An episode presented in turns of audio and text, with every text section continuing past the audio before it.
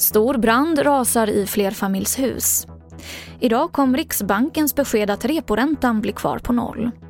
Och då tror Sveriges vaccinsamordnare att alla vuxna i Sverige kommer att vara fullt vaccinerade. TV4-nyheterna börjar med att en stor brand rasade i ett flerfamiljshus i Jakobsberg utanför Stockholm.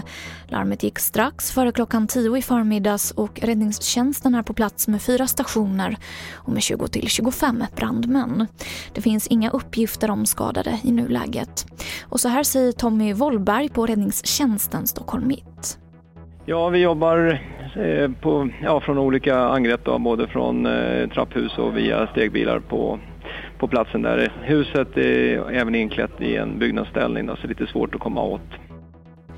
Sveriges vaccinsamordnare Richard Bergström tror att alla vuxna svenskar kommer att vara fullvaccinerade mot covid-19 senast i augusti. Det här säger han till SVT.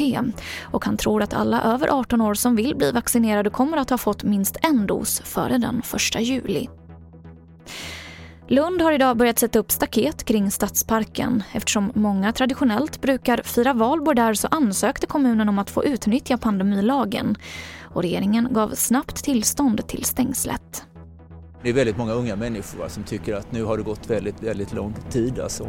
Och eh, skiner solen och man har lite öl i magen så är risken stor alltså, att man struntar i det, att hålla de här avstånden som är så viktiga just i vår tid.